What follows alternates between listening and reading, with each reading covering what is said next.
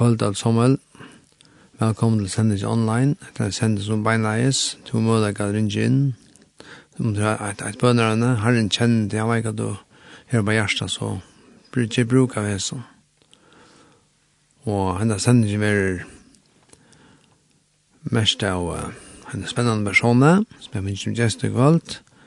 Men Arne presenterer han, så skal jeg høre en sang for som heter Handan Sjøtnehau. Musikk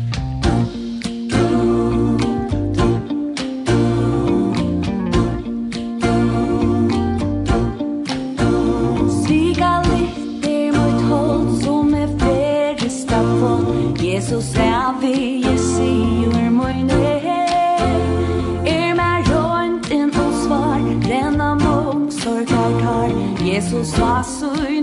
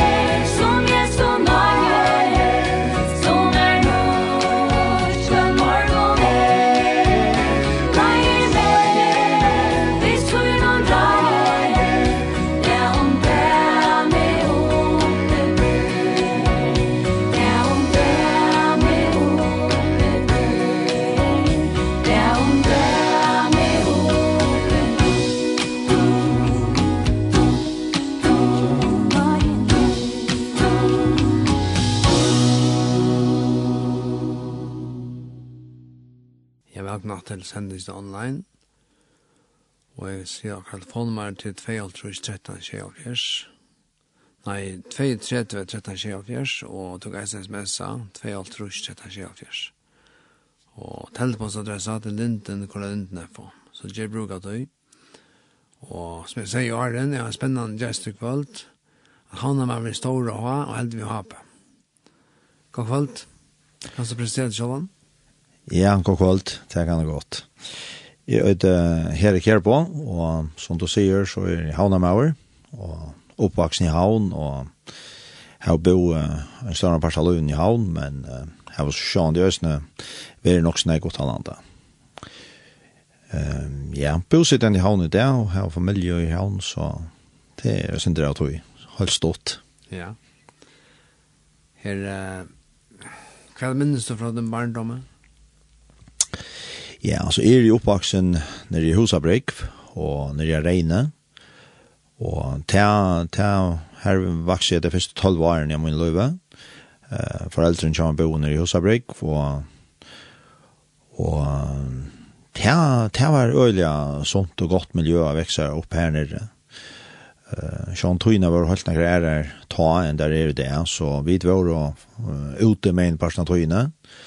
Jeg minnes uh, ikke så rævlig tid av årsene inne. Det er sånn det har vært inne i, ja, men, men jeg minns, jeg vet spalt og ute nesten hver nøyne av det, så sånn det brøy brøy snakka ta i før skola, så jeg var tjekk i skola og kommunskolan i havn, så så ta, ta ble bojen og lysen større, og for ofte igjen og kundadela svimja og i, i svimmilen hos svær, ta hver ute, og er en, uh, han og svimmilen blei bygd som, som er jo innlokk av Og var nek gunda del i Østene spalt og her, Østene i håndballsvøtlen som tar hver uh, asfalt og alt det som, ja ja, det vokste opp til gamle havne, kan man så si, ja. Og vi platt også, ångte nå, nu tog är i synder center man för att snacka om havna folk och och och folk som kommer och byggt det att att att det är väl havna folk när de de kommer nyan av Mm Men ja. allt som var om för eh, det gamla apoteket och, och gamla bokhandeln, det, det var allt avbyggt av folk. så det, det blev att hålla grunn efter det ordet ska ske då det papp kvar till fram. Men ja. Mm. Så, men jag minns bara positivt eh att rabatt om en chamer ja husabrik och Reine, jag var det jag stått där och när jag på och vi spalt och nej kvar nere helt nej faktiskt Og om somraner og omkring era ferier så platt jeg være skala. Og her var det øyla godt å komme. Her var eh, alla mostrene til mamma sysna bøten og alt han større familien til mamma. Så her har vi også nek uh, supergå minner fra, fra min baddom. Her var øyla, øyla godt å vera og ja, platt man vera til utrekvar og, og nek vanna hodja og her var spännande spennende opplevelser som man tar kunde komma ut av bäkt. Platta affära in vid Trönta som tar sig lite och en holka stronton och så här från bilen och Skala. Så. Men det är ju allt när jag bröt det. Så, ja. så jag går minner. Fantastiskt. Og du tjekk sånn så som bad? Ja, jeg minnes minst ikke når jeg er ferdig først ferdig nye av skulle men ta ta rock nu i er ferdig holdt til, ja. Eh Jeg ble døpt i Hanna Kyrkjø og tala på en tåta for akkurat heim, så, så vi var, jeg vokste opp i um, Hanna Kyrkjø, uh, og mamma og pappa fikk meg så nian i uh, sundagsskolen til uh, meningshås noen, til så det gamle meningshåset. Og her er Jackie faktisk uh, lykka til i morgen minne ved konfirmera år, og jeg ble så øyne konfirmere i Hanna Kyrkjø, så til Hanna Kyrkjø og meningshås i havn har vært uh, mitt andal i heim som, som balten. Ja. Ja. Det Jeg minnes det, jeg postet det, tror jeg. Fantastisk. Og Arne Høyer sender ikke det, så har jeg sang. Og så har jeg Petra. Og han har jeg fra her. Musikk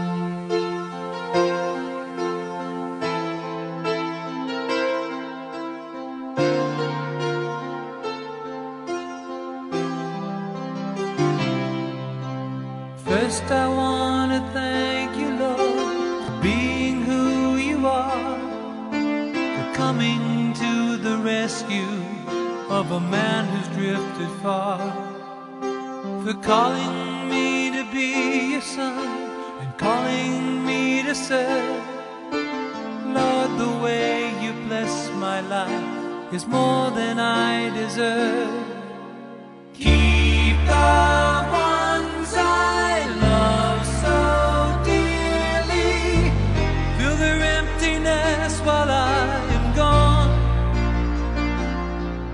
and fill the lonely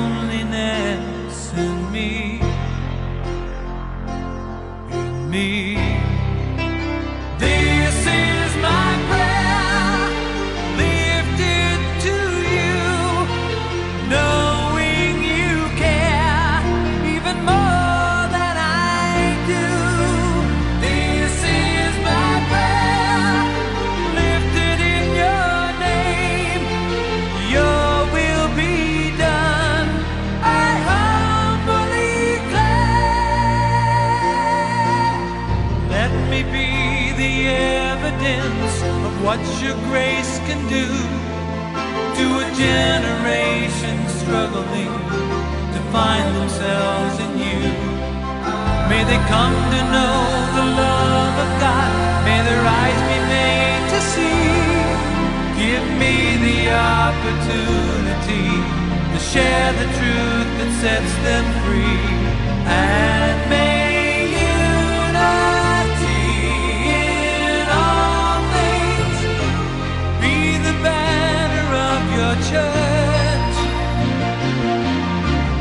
met revival's fire begin to burn. Begin to burn. This is my prayer.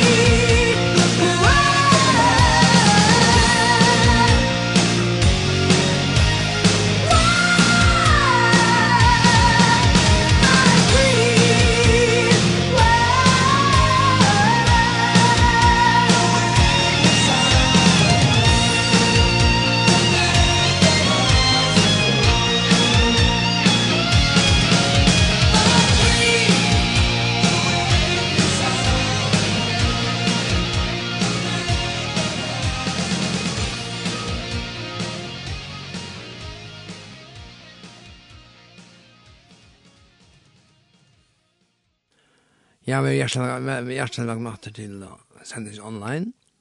Hette en beina sending, to måneder garingin. 23-13-24, smsa 2-13-24, eller du kan bruke. Maila, maila til dere, linden kora linden er på. Gestrik kvöld er her i Kjerbo, og vi har pratet om hans her, tog som baten, han har gått en god barndom, og herre, Men när blev det så antal vakter? Ja, vi var flott i en uh, um, av Gripsveien fra Husabrik. Foreldrene kommer til at og bygde en hus og hette vi i Nødgjøs Og her bor vi i Negv, Negvar og bor vel. Men så hendte det til at uh, i halvfems, 1905, ta, ta døy i pappen min, Og det har gjørtes uh, rettelig hardt for meg. Og jeg halte, jeg kan si at jeg har livet et nok så, jeg vil ikke hardt lov, men uh, sorg, ganske myndelig verslet, utadvendt lov i uh, Nekon Tjohei Bank, og, og, og det kom, uh, som er skått fra himmelen, at, at uh, han døg, han fikk hjertet stå opp, og, og her var ingen avværing som så, uh, jeg fann han selv utenfor i husen i kjøkken, og, og ta stekka i uh, alt, uh, lov vi opp, og jeg, og jeg lenka tog for meg, ja. og, og jeg minnes uh, at um, jeg ringte etter ambulansene, og hun kom sånn på en veien, og vi før så ut av hospitalet, men um, her var tog, tog jeg ikke gjøre, han, han var ferdig, men uh, ta seg til uh, ute i agongen her, eh, portørene og lakner for inn og en stov vi noen, og så sett jeg utenfor ensamhandler, jeg minnes de heie keppen og staven som han heie chamar og ta minnes de ordentlig tydelig at jeg, jeg får bia. Og uh, ta, ta heie ikke bia i, i, i, i, i, i, i, i, i, i, Og ta ta minnes du grua tøyle at ta ta var ta var i andaliga vakter. Du ta bær ikkje berre fei og har et la ta ta var nei som lå i mer altså ta bær godt om at at han pappa ikkje døy, ja. Men uh, han døy så. Men ta var vakna gå i mer ta. Ta var det. Og ta ta var vakt i mer så gjerne. Og det kanskje særlig eh det gikk ikke den tog gjerne, jeg husker så konkret som gjerne jo, men, men et eller annet sted, var loive, ikke bare loive, altså, deien var lukka som kom inn og i, i okker heim, og, og ta deien er her, så, så kan man ikke bare stinka høtten i sanden og si at, at vi liva er vet, og her gjør, det gjør vi det jo ikke. Og det har sett det øyelig, jeg spurninger til meg, og det ble ekstensielt, det ble... Um, Eh, då handlar det inte bara om affärer ut och hugga sig och ha det gott och jag gör några nöjtrott. Det handlar inte bara om att vinna en kamp eller vinna FM eller vad nu än för jag var uppe till ta och för att arbeta och tjäna pengar och och vara vara byens populäraste fyr visst av det som man jaktar efter eh ta bär ju som Det ta gamla inte svära på näka och tog som eh, nu hej tutning så är alltid helt rätt att, att Jeg tenker det er alvorligt. Tog, tog pape var jo færen, og hver var han færen, og her kom en rikva av sporningen opp, og, og i neiene, og i sorgene, så, så kom og, så kom alt det som eh, foreldrene kommer til last med, og sundagsskolen har last med, og kyrkjan har last med, og, og en stor parst av min familie som, som uh, Øysnevår og eh, kristen, eh allt det som jag upplever så tar man, så falt jeg ett eller annat sted, ett la känt ett eller annat sted, att det var naturligt som är Jeg fer inn i en minnesås i havn, og, og her var det søkjande. Jeg var søkjande etter en fellesskap, eller jeg prata med nekra, men jeg var øyelig søkjande etter at høyre. Eh, løyta jeg etter tog som ble boa, eh, særlig ut fra bøyblene. Og, og, og i tog søkjande, så, så vil jeg si at jeg var blev en andelig vaktor. Ongen, ongen hei sikkert, uh, finnes mer svære på et og anna, hva stå og skrive i Bibelen, det visste ikke, men, men inni i munnen hjärsta, inni i munnen sal, så var ongen ivig om at uh, her var en slik nei, at jeg røpte. Og her var min arver, ikke noe annet råpa enn en god, skaparen. Uh, det var min samføring, og det var blivet en andelig vaktor. Fantastisk. to Arne Brøyere. Og det har en sangkatrat som heter The Celebration Core. Praise Him, Praise. Praise.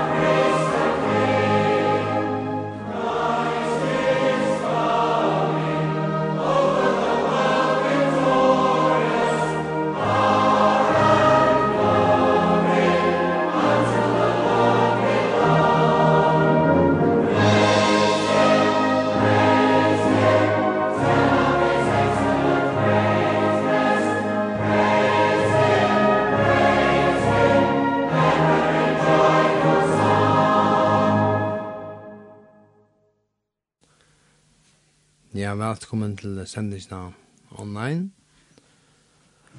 Og som jeg har sagt før, gjester i kveld til her, her i Kjerpa. Og her er så forstå på Usla. Ja, jeg får av en høyskole av uh, IMB i Børskap. Og det var i 92. Det var 2 år 17. Ta pappa høren. Og ta i ha högskolan her, ta halt jeg, jag kan säga, jag blev mer tilvitt av om det väl som jag görst. Og jeg minnes at jeg av en forsamling som vet at en av følte ta tullja og, og Janomana i 92. Ta, ta vittna i fire, fire timer som vi gikk skola sammen vi om uh, hva jeg har opplevd de siste tve årene. Og det var, det var kjent i jeg, hvordan jeg ble vi, vi glede at han er vittna. Og, og det var jeg vittna, så vittna jeg om, om Jesus Kristus som, som den personen jeg kjente at han var. At det som kanskje åren var nækka som er helt veldig religiøst og, og eh hej spotta öle längt och alla bara helt över något kvartal. Nu blev det här faktiskt eh, väldigt för mer och det vittnar ju om det som jag är känt och och det det var det var fantastiskt. Och jag var så ett halvt år att vi har skolan och och här här hej en altså jeg var i en linje som, som heter missionslinjen. Og løyerne til linjen, han var, han er vært i Tanzania og i Østerafrika, og, og virka i flere år. Og han halte jo avvirka med nok sånn jeg tar mannene var her. Og jeg minnes av skolen han ta, ta hinko nok sånn jeg mynter av imenskong folkasløven. Og ta, ta gjør det nekka vi med ta flotte nekka in i ui mer og jeg fikk en sånn nej om at det som är här finns löv at uppleva det yngste er ösne att andre människor runt i hemmen som som ikke höra eller här är ånden att fortelle dem om hvis nu teg kom og lyknan nei som Eva kom nå i, så var det som kunne fortelle dem, eller vise dem noe som, som virkelig hjalp på, og da snakker vi ikke bare om at uh, vi blir grøtt og, og, og lyknande, men vi snakker om noe som berer i det. Mm. Altså nekka som, som røkker langkor enn en hekta løyve. Og det fikk et eller annet sted, startskått inn i mer, at uh, komme hjem til forrige og, og røyne mobilisere føringer, at uh, fløyre vil ta færre ut, at fortelle øren om, om Jesus og, og om uh, Guds år og det som er åpenbære og bibelene. Det, det halte jeg leie, leie stund sånn nei og i mer. Og til er omgang de ordentlige affæren ur mer. Så til jeg har fyllt en øyelig stående parst av min løyve at jeg mobiliserer føringer affæren ut. Jeg så jo i større måned ikke rettnast til så til en halvt annen sjøva, men, men til jeg føttes uh, av bibelskolen, eller havskolen. Ja. Hvordan lønner var ha skolen? Jeg har vært uh, i tvei noen foran, og fyrre fyrre var i halvt år, og 17 fyrre uh, i 1994 ta var jeg i et halvt år, og ta var så pastor av en uh, langre oppbygging og en uh, misjonsskola. Her uh, ta var en oppbygging av færre ut uh, i Triheimen uh, at virka. Ja. Så man kan si at jeg har skola og i halvt annet år, samans. Fantastiskt. Og en fra vi er, så har jeg en sangkatter og så att han tog mig åter så var det här till att jag tar på det med show. Det var väldigt spännande.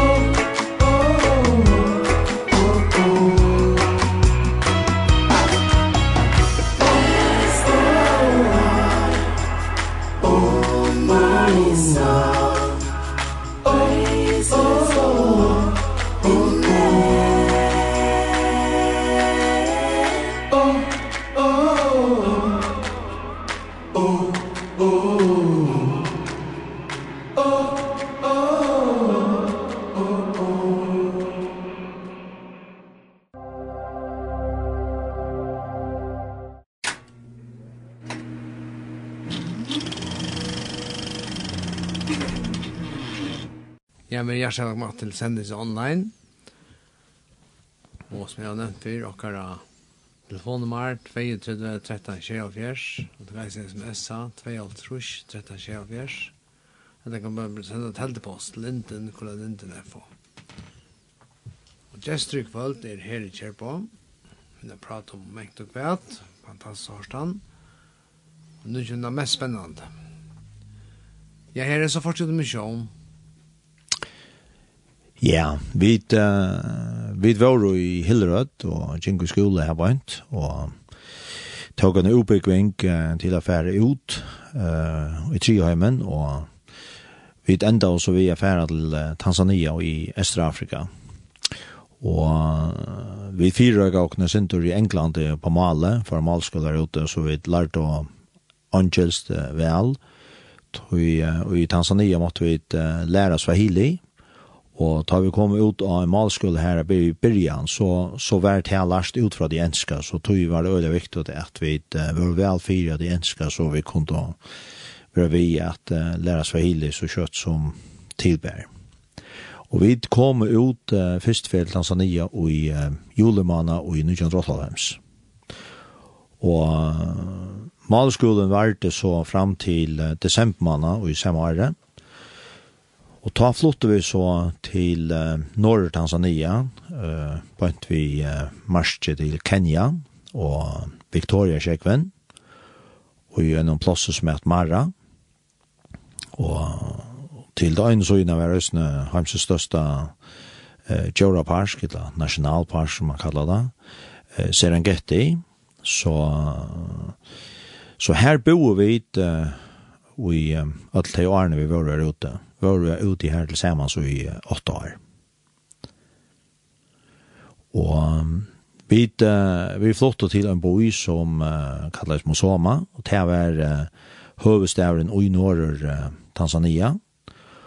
Og her, uh, her lukket som virka og vidt utfra. Og det første tøyene så, så var jeg i en, en, en stor del som kalles Maradalren, Og her virka jeg så uh, vi at arbeida vi at etablera nukja kyrkjer og, og her var nokkur uh, uh, fa kristen som vi så arbeid saman vi. Og ta, ta er morda minne til fyrst og trojet holdt årene som vi var her ute. Og vi var jo faktisk der trojet holdt årene vi kom heima til farger. Så vi var jo ikke heima i, i, i, i, i, i, i, i, i, Og det er alltid, det virker kanskje lunsje, men uh, tar man fer ut til et, uh, et så annerledes land, og her alt er annerledes enn det som vi er vann vi her hjemme, så er det veldig viktig at fer inn, altså all in, så, så det er at man eh, så, så godt og kjøtt som mulig kan uh, adoptera den nødvendige mentene, målet, og lukka som komma skilja hva det er for en sammanheng man er blei en parstre av. Um, det er øyla vikt og at man kommer ut til et annet land uh, som vi kom og jes for noen så er det viktig at vi uh, har så lydig av okker egna vi som gjør løtt og vi er ikke kommet ut her for å brøyta folk eller mentan men vi er kommet til å hjelpe tøymen her som de er og som Søren Kirkegaard sier, at hvis du skal alt uh, hjelpe ankron, eller flyte ankron, så er du nødt til at uh, takke i hånden av Adam her som det er, og så fyllt jeg svitt av man uh, aløyene. Så det er det ikke, uh, hvis føren jokken er ferdig ut og, og vera stått der og ferdig til farger i høyland, Tui, så har jeg kanskje tankar og kjensler og alt anna. Eh, vi er nok snakk i fargen, og, og det er vi tro på det knytt til, og eh, blivit noen parster av mentan og falskjønne er ute. Det er hardt arbeid, altså. Det er, det er øyelig hardt arbeid at uh, være så eh okjentor bei vi mal og mentan eh lukt og hita allt vär analys än det som vi var van vid det var nøyt, og jeg mener kan huske at det er at til nok det tattaste jeg kom med at vi er føtter, eller vi er en til det var faktisk det som vi var, og hos vi var vaksen, så, så opplevde det dere som løydelbad, som måtte få hjelp fra at og stedbånd, alle mine jøkken til forståerne. Mm. Så. Men det var spennende, hos det var avbjørende, så var det veldig spennende, tog Eh, nu var vi kommet her til at, at tills vi døde fyra og fyra og kom framme motor så, eh, så var det å lære alt, og, og så gjerne kom jeg at virka, og, og det gjør det så. Men hvordan var det å lære maler når det var da torrført eller Jeg halde til at man pleier å si at Swahili er et uh, relativt latt mål at lære, men uh, nå er det sånn at, at uh, vi er øyelig imisk, konan kommer her, Hon lærte male kjøtt og vel. Jeg har nekmere trobelager at uh, konstruere meg, og, og jeg halte her, her teg som lærer at her male kjøttes, det kan læres kanskje innenfor et år. Så er det noe som klarer seg rettelig vel. Jeg halte til at jeg tog seg i Swahili uh, rymelig vel at nå er det 3-4 år. Ja, men ta, ta ta så i dag i himmelen ordentlig så ta, ta skilt i rettelig vel det har det sikkert. Några som hänger vi igen. Ja, men uh, inte mer så att, att jag vill nöjt till att ta sig det reglerligt. Att jag, kan gott märka att jag, jag är inte rostad av uh, nökrunörskan till er. Ja. Men är det ju att det har samskifte vi when I go in där ute och och samstadsfälla så jag någon gjør ned nätet så så vi tar sig av så det är just för att hålla det vi lyckas att man vet aldrig. Ja, det hade vi vid efter sen det var det, va? Ja, vi vi var jo faktisk, vi kom heimator, som jeg sier, 18-8 år, så kom vi heimator i 2006, og så gikk det 13 år, er en vidfører og utdatter, så det var en rom tog i lunsje, og vidfører og utdatter og vidtjau her ute i fyrre året, 2019. Så vi var veldig heppen at uh, slippe ut her og en uh, korona bredde ut i annars heit av ungen og møller sjåkon jeg ferdig ut etter og jeg var ikke hvordan det er i fremtiden men jeg var ikke men vi kom så ut i 2019 det var uh, det var helt fantastisk at møte alle natter her ut det må jeg si det var helt kjøpisk det var uh, fantastisk glede altså. At det, det var rørende at uh, og eisen tog bedre at så ikke jeg glede det var at jeg så ikke natter. Så det, det var uh, det var en fantastisk opplevelse. Begge for dere bøten og, og, og for, for dere eh, melden med. Det, det var fantastisk. Størst opplevelse. Så bøten er fast oppvoksen her nere? Ja, um, for det eldste synene som var eh, tar fatter nere i, i Danmark, og, og bare olja luttler tar, tar vi for ut først før, og den yngste døtteren, Jokon, hon er eh, ut. ute. Så de, de har finnet sine første åtte år i Tanzania. Så det er da er det mål? Um, de dodde da flåtande, uh, tås av akkurat som de uh, stedbåndene. Men uh, bøten her var til at uh, de lærer det kjøtt, men de glemmer det kjøtt. Eh, jeg halte at uh, man pleier å si at vi, uh, jeg minnes ikke om det er 12 eller om det er 14 år, men det er øyne av sånne alt som noen som uh, at hvis man hever lagt mål at han og man blir tolv eller fyrstan, så glemmer man det ikke atter på samme måte, men hvis man, hvis man lykker som ikke er ui uh, målet noen uh, Og i hesførene så er det yngre enn halv og flytte hjem, og ikke bruka malet aktivt, så gløyma det uh, malet at. Så da vi var ut her uh, i 2019, så, var, så hørte de til året at det var røyla snett og det fallet ikke hjemme, men de hørte svært i at også malet vi, vi til sted på noe som de kjente, de kjente de atter, han var alle virlige, og, men nå fikk det plutselig ikke skilt deg, så det, det var sånn spesielt, for, særlig for deg, ja. Det er nok, ja. Mm. Alltså då döttern är på fattan i sig då så. Ja. Ja. Ja, snäft. Ja, Arne fra Vågjære, Arne takk med en dans for lykke at spiller sang som i Simons. Jeg har hørt om en stat.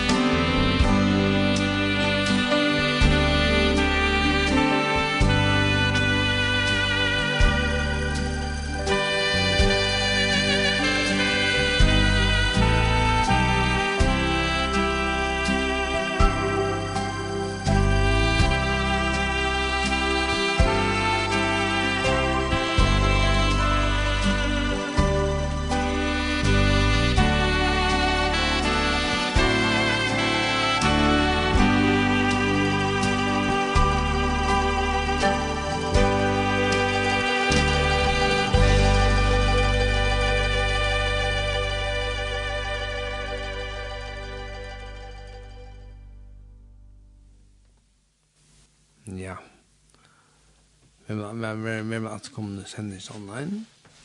Jeg mener sending, du kan via i sted, du kan ringe inn, du kan smsa. Telefonummer klokken 2, alt trus, 13, 20, alt gjørs. 2, 30, 13, 20. Sms i 2, alt 13, 20, Gå inn i bruk av det som, herren kjenner din tørv. Og som jeg har Gjester Kvöld, her i på, han har fortalt en det er spennende kveld om misjon og henne. Til han er i Tanzania nøkri år. Og her er Kenzo. Hva er det da ferdig misjon og skatt? Ja, yeah, altså, ferdig med sjøen, det var ikke mer ferdig med sjøen. Men, uh, nei, vi kom hjem og, og i 2000 og 2006, og ta, ta fører ut at arbeide som uh, starfagaløyere, og det gjør de så innan tog, og, og, og fører så atter i misjonen at arbeide til Kirslehømmisjonene. Her var det så noen år, og jeg så arbeidene for uh, alt som misjonen særlig.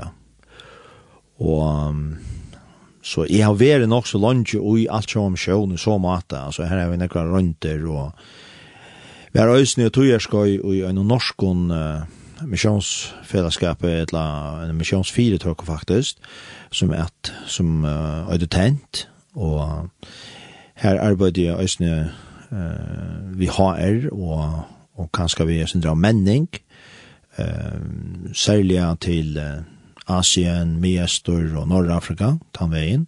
Arbeid nek vi uh, rekruttera uh, starsfolk ut til imskar vi tog for og særlig fire tøker og anna. Og så blei vi øsindur, uh, jeg vet ikke hva skal si, jeg trøttur, jeg er jo ferast rævlig enn jeg tar jo nekvar, vi er jo øyla lyd i fargen og bare i fri, altså jeg følte at det var Alla tøyna um, alla tøyna fast noen, og ta, ta vær bare kom til det at, at uh, vil gjerne få sin mara fri og, og i døyla, og så valgte jeg at, uh, eller jeg, jeg sa en starsløsning her, uh, en fyrtøk har søkt etter starfolkaløyere, og så valgte jeg å søke, og, og fikk det så. Og det har vi så vært, uh, i, i um, arbeidet i Vindelønnen, og til siste seks årene, Og er så øsne rettelig aktiver oppi i Magnusåsen i havn, uh, i frytøyene. Så ta til det siste årene som er ferdig vi tog. Ja. Da tror du vel i? Ja, det er alltid, ja. Jeg er alltid til at, at uh, trøyvast, til en eka som jeg kan ta og arbeid i fire, og så hver gjøre og, og hva det gjøre. Jeg er alltid det nok så viktig at uh, at vi som mennesker tar og arbeid for og krekna truvna i, så, så jeg vil si at jeg, det tror jeg vel, ja. Jeg har det ordentlig godt, det vil jeg si, som menneske. Og jeg har jo et godt starv, tror øyelig vel, og i tog fyrt og knir jo i, og jeg tror øyelig vel, og i menneskens snjall, ordentlig vel. Her nu, nu er det om enden av sendingen her. Um, Nægge så den kan handle litt av treet en halshandel til forrige folk, ganske, ganske. Hvis folk er iva om gode til, og Ja, det var ikke ikke ordentlig, det, det kan være nok så avgjørende, men, men jeg kan bare si hva jeg personlig har vi opplevd, og, og det, det er det som jeg kan vittne om, og, og jeg er, jeg er blevet samfor om at uh, god hever åpenbæra seg i jøkken uh, biblina og jøkken skriftene her, og, og det, det kan jeg bare vise av, som uh, må vittnesbord, kvett og, og i her stedet skriva. Uh, jeg hadde ikke, jeg kan så grulig enn jeg annet enn det, så det, det ble et lov for meg, og, og det er så opptrykt for noen stekken at, at uh, få samband tannveien, og, og for jeg halda seg til det, tog, uh, jeg halda ikke til at jeg bare Eh, ofta snackar vi om det här privata rummet och, och kanske individuellt eh, till stärka och så vidare. Men, men i halde det här att eh, hvis det ska vända åter till mina början att eh, ta och eh, pa på min döje ta blev det personligt för mig. Tui eh, jag måtte förhalda mig till något annat än jag upplevde här jag gör. Det kom något annat. Det här säger att eh, at 18 av deg er ikke. Um, hvordan kan du si det? Hvordan kan du vite det? Til øyne en trygg. Til å ha alit av ikke. Og det, har vi svært ved å trygg på. Ikke. Det, må jeg si. Det, er nesten som å si at jeg er ikke og jeg er slett til. Og det kan ikke ordentlig, det kan ikke ha alle da at jeg ikke er til. Du mener og sier meg til at jeg er til, og Og av samme hatt så, så har vi jo anlitt av at det er nok at han har det igjen. Um, og i munnen for så kan jeg bare vittne om det rønter som, som, um, som jeg har gjort med løven om. At uh, Jesus Kristus, han, han, han er til at uh, jeg var anlitt av. Og jeg kan kanskje enda vi en opplevelse vi hadde i Tanzania som, uh, som stender øyelig størst for meg og Og det pleier jeg ofte å teka fram, ta vi vi kanskje i okkara parti av heimen om hver godløse og, og anna tek seg bare mer og mer fram, ta i sida så det som er ikke som fellesskaper, men mer som at vi mennesker blir bare mer godløs og lykka glede, og uh, vi, vi um, bygger okkara alit av det som vi sutja og føla, og det som det er skjønnelig at det er vi at dette lykka som uh, og i bakgrunden av hever en gattutning langer. Ja. Vi uh, vi dødt veri er ute i Tanzania og i 3,5 år. Og um, så skulle vi uh, pakka okkara landkrosere, som er rettelig staurer, og vattnet ikke okkar grøla løytel ta. Og vi skulle køyra fra Mosoma til uh, Arusha, og det er i jøkken uh, nasjonalparkene, og Serengeti og en annen park som ligger ved Søynera som heter en gård en gård. Det er en tur på en tutsk timer. Og det er en fantastisk og spennende nasjonalpark vi ødlån uh, hoksande djauron inni her. Og det er den nekta største parken i ødlån heimenon. Og de fleste djørafilmene som, som vi sutja uh, av djørenarspån og ærestene, uh, det er fra Tøymeparken. Det er så jævlig store er der stretcha helt fra Kenya til Tanzania og Og vi hadde så valgt at uh, bruka sin av, av tog, eh, beie hun og inn i her, og, og sjående vysakere, at noen disse djørene. Så vi hadde bestemma at vi skulle være her inne i trutja det her, sova tver nætter. Og vi får og ur mot soma, eh, tolv morgen klokka seks aldri. Han blir ofte tolv jeg fyrer, som man får allan og, og det kostar å komme inn, så man vil gjerne heve sin för valuta, till er ikke helt bøylet.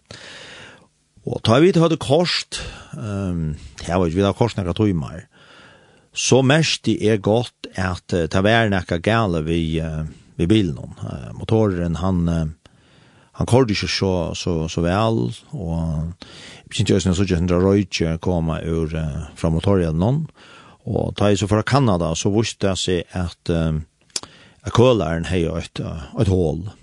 Og, og ta, ta blod det jo mer nok så avgjørende at køyra, da skal man gjerne ha en vatten, og man vet jo ikke hvor størst hål i er så gjerne. Men vi kom så til en grense, til nådde vi så. Og av grensen her, her finner vi da vite at, at det var et kjempestort hål og i kolaren Og vi finner så hjelp, det var... Um, akkurst uh, ikke alle bilkåner, men, men uh, det var nekka kost av uh, sånne som skulle uh, tippe hålet fire bels, støtt nir ui, og uh, det finner så vite at det kom vi vel og virkelig på plass vi. Og vi går trygg, så fører vi det sted, og skulle til et hotell, uh, et eller annet lodge, som man kallar det, og i parkene. Og ta vidt at det kost og i... Uh, kanskje en et forsje tøymer. Uh, så begynte jeg etter at mest av bilen og nett til hever gale. Og det kom stadig røyk på brosjures ned, og vi var jo faktisk ute i en større savann, og det er rettelig større, så vi så kvarsin, vi så ordentlig til fram etter, atter etter, til venstre og til høyre, og det, det er kjempestørre her ute. Og, og ta her var vi kanskje haft en, det var ikke, en, en halv annan tøyma til en lodge cirka etter, ja, så vi skulle køyre. Og vi byrja så å bruke vatten. Vi tatt og nekra liter av vattnet, så det må man heva høyt der ute. Og kort så nok snakk vatten også, og, og satsa på at vi kom fram i alle gåen. Og vi kort så mye av vattnet, og, og bilen kort så syndra seg at, men uh, jeg halte jo på vatten, kola og kaffe. Det hadde alle stingene vi i.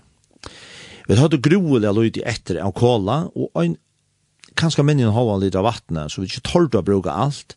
Tog, uh, vi, vi mest og synder, vi var begynt å bli nervøs, tog, tog, uh, vi så stadigvæk ikke lodgene, og så vi er tog vi hadde brukt alt det der. Ta, ta høyde vi kanskje halvan tog med etter, har vi kom fram, ja då jag låter någon här är ofta värste och, och så är som som fixar landcruiser och, och större safaribilar så kör runt där. Ja. Och heit er veri om tru så det är bekande sol och kanske en 35 grader och rattlig högt. Så stekka vi det här och bilen kattnar. vi, vi simpelthen, bilen vill starta och vi kommer inte sted. Og her sjåte vi så midt i alle sjavanegne, og, og jeg må vikenga til at da ble vi rettelig nervøser.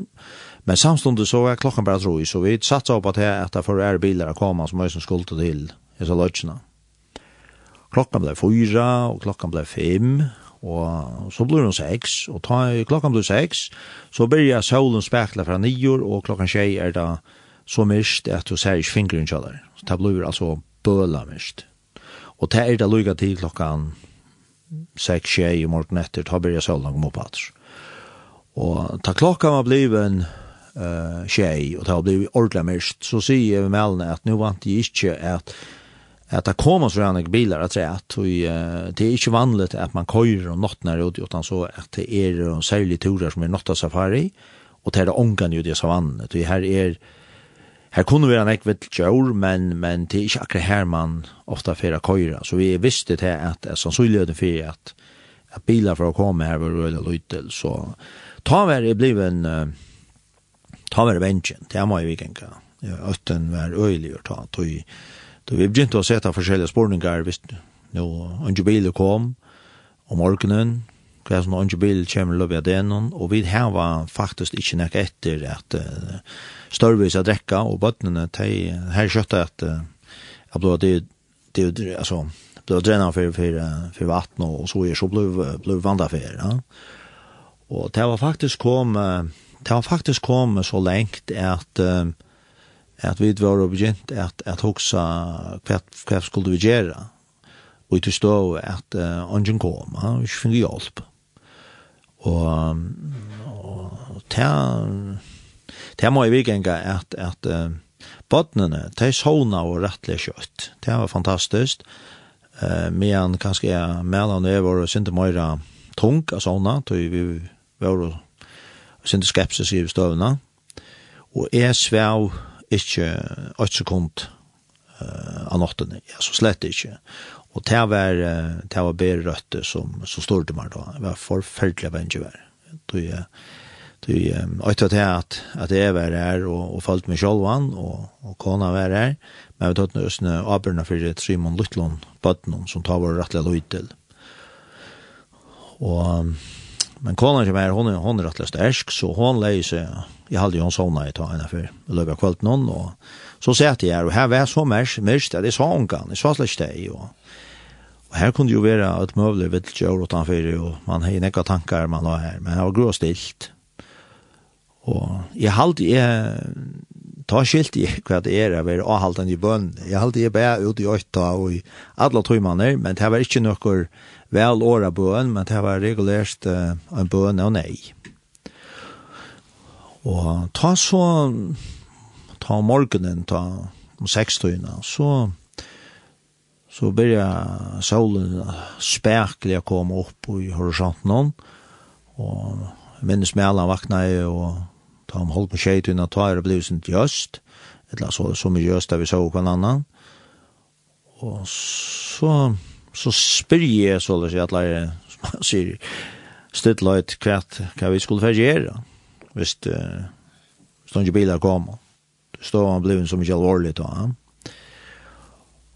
Og ta minnes det at uh, Mælan også bestemt uh, sier til at uh, nå må vi uh, Alltså vi vi har Lars Bøtten i Jokkon, vi gänger sundagsskola, vi har Lars Bøtten om Jesus.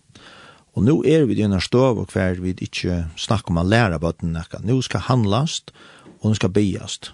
Og så minnes det at Mellan ber en øyelige øynfald bøn, og det var nekka såleis at, at uh, god, nå har vi fortalt om det, hva du kan, og du er staurer, og du er mentor, det er sånn ikke ha sannsjøy, nå må du vise åkken at du er han du er, du sier det være. Og bøttene var vakna i av, og, og var vi jo i hårdus av bønna. Og jeg minnes det var øyelig spent rett, størsta bilen, jeg, jeg, jeg har ikke nekka sølja trygg, et eller annet unga trygg, og på hva for å hente, jeg var sånn trøttur. Men hva var det?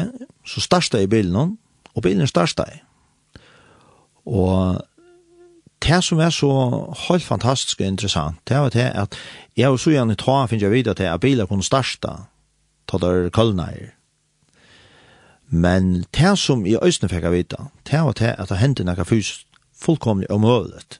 Og det var det at vi kortet i en halvann tøyme åttan åttende køre en dråpe av vattnet og til lodgjene. Og da vi kom fram til lodgjene, Eh och här ska si at vi kortet for å kallar för boy neck rättliga viltjor. Eh halde lever og, og, og andra jor så så vi hade ikke kom så lengt vant jag visst visst vi hade vi nøyt til å lägger så granna. Men da vi kom fram til lodgjene, da kom en mekaniker til bilen og det var sånn spesielt, tog, tog, uh, han spurte hva vi var blevet ned av, tog, tog visst at vi skulle være kommet, men han var kommet fram om natten, og det er ikke engang se akkurat. Og så hette det bare liksom vant til at vi døde alle steder og et eller annet. Men jeg sier så igjen hvordan så stod han vær, og, og, og ber han for hitje et bil, så er det køleren og et eller annet, hvordan stod han vær. Og jeg halte det måtte for en gang halve time. Vi får så inn og tjekka og inn i seg lodgene, og fink faktisk å vite at at uh, bilar stod og skronne til å komme til neste trutje det og ånden hei ferdig ut ur løgjen den neste trodde det. Så hvis dette ikke var hent, så vant de støvende jokken hei vært helt, helt øyelig alvorlig. Så så hadde vi uh, faktisk ikke haft vanndråpen til fem folk og trodde det gjerne i asnitan. Så var det ikke ordentlig kvart, Jeg kan ikke ordentlig umynda meg kvart hei hent. Men ta i sin halve timme av færen, ta en kjemer hese mekanikeren til okken og spyr hvordan vi har korsbilen uh, til løgjene. Så sier jeg, ja men altså, i største i bilen om så er det kostet cirka en halvann tøyme, 20 minutter også hvert. Og så sier han ved meg at det var fysisk og møvlig, bilen kunne ikke køyre. Uh, han kunne kanskje være størst av den kølne og rattor, og korsene kvar, altså, rettelig og stått av løy, og så er han køttene køtten og rattor utan vatten. Jeg må ta det i simpelthen brent sammen, hva, hva, hva han har fortalt meg, ja og sier akkurat som vi er, at, at, at, at visst, det passer som du sier, så er det her vi et under som han ikke kyler. Det var først og mølet. Og det har vi en mengan uh, vent atter til, ta og i ive og, og ta i prate om at uh, god ikke til og gruber ikke inn og alle disse tingene. Mm ta må jeg sige, jo, jeg har rønter vi et god gruber inn, og jeg har opplevd noen ontor som er så stør, um, at jeg selv har svært vi skilje det, at det kan passe. Men jeg har opplevd det, og tog vøyde at det passer, og jeg har ut fra tog alle da er god er. Mm -hmm. Så, hokser jeg kanskje enda vi her, her som vittnesbord. Ja, det var størst høyre. Mm. Så god del å ståle på. Ja, det, det kan jeg jo alle for en vittne om uh, ut fra tøymen rønten og nye og gjørsmer løyven om. Men selv om det vi gjør noen imiske rønter, så jeg kan ikke se hva det andre jeg opplever. Nei, nei, nei. Herre, fantastisk høyre høre deg i kveld, det har jeg. Vi er kommet til enda av sendingene. Og takk til alle som har lov til kveld, og ta sikken til kveld. Here I am, I have come to thank you, Lord, for all you